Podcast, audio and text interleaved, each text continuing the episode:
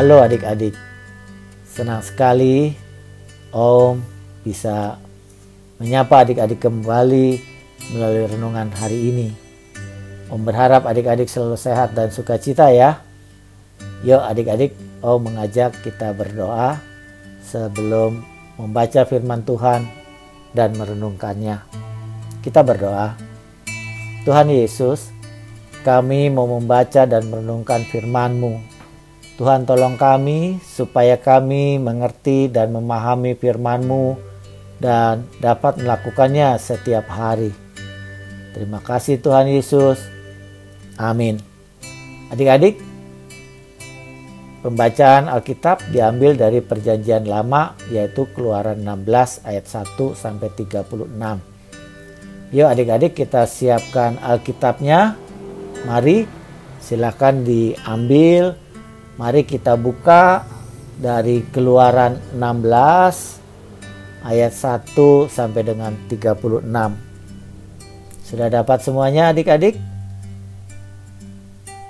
Om akan membacakan bagi kita semua. Keluaran 16 ayat 11 sampai 16 dilanjutkan dengan ayat 31.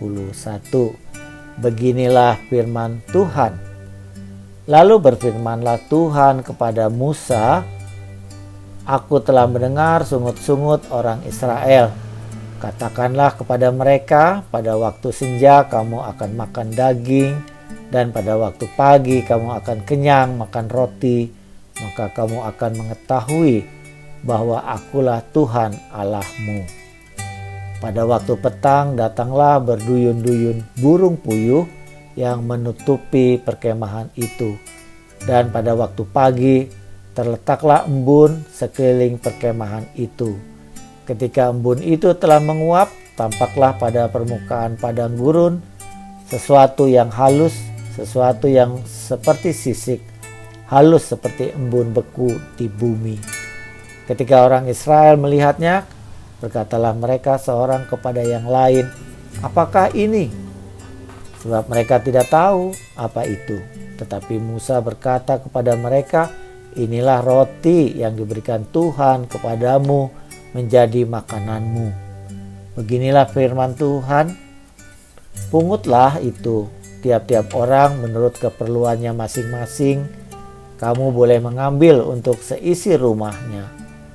Segomer seseorang menurut jumlah jiwa umat Israel menyebutnya nama namanya mana.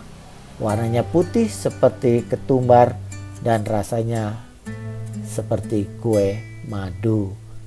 Demikianlah pembacaan Alkitab adik-adik. Adik-adik judul renungan kita adalah Tuhan menyediakan. Tuhan menyediakan.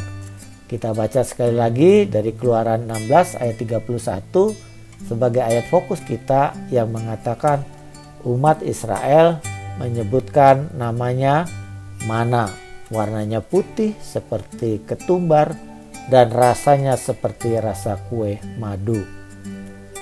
Minggu ini kita mau belajar tentang bagaimana Tuhan menyediakan dan memelihara kita semua.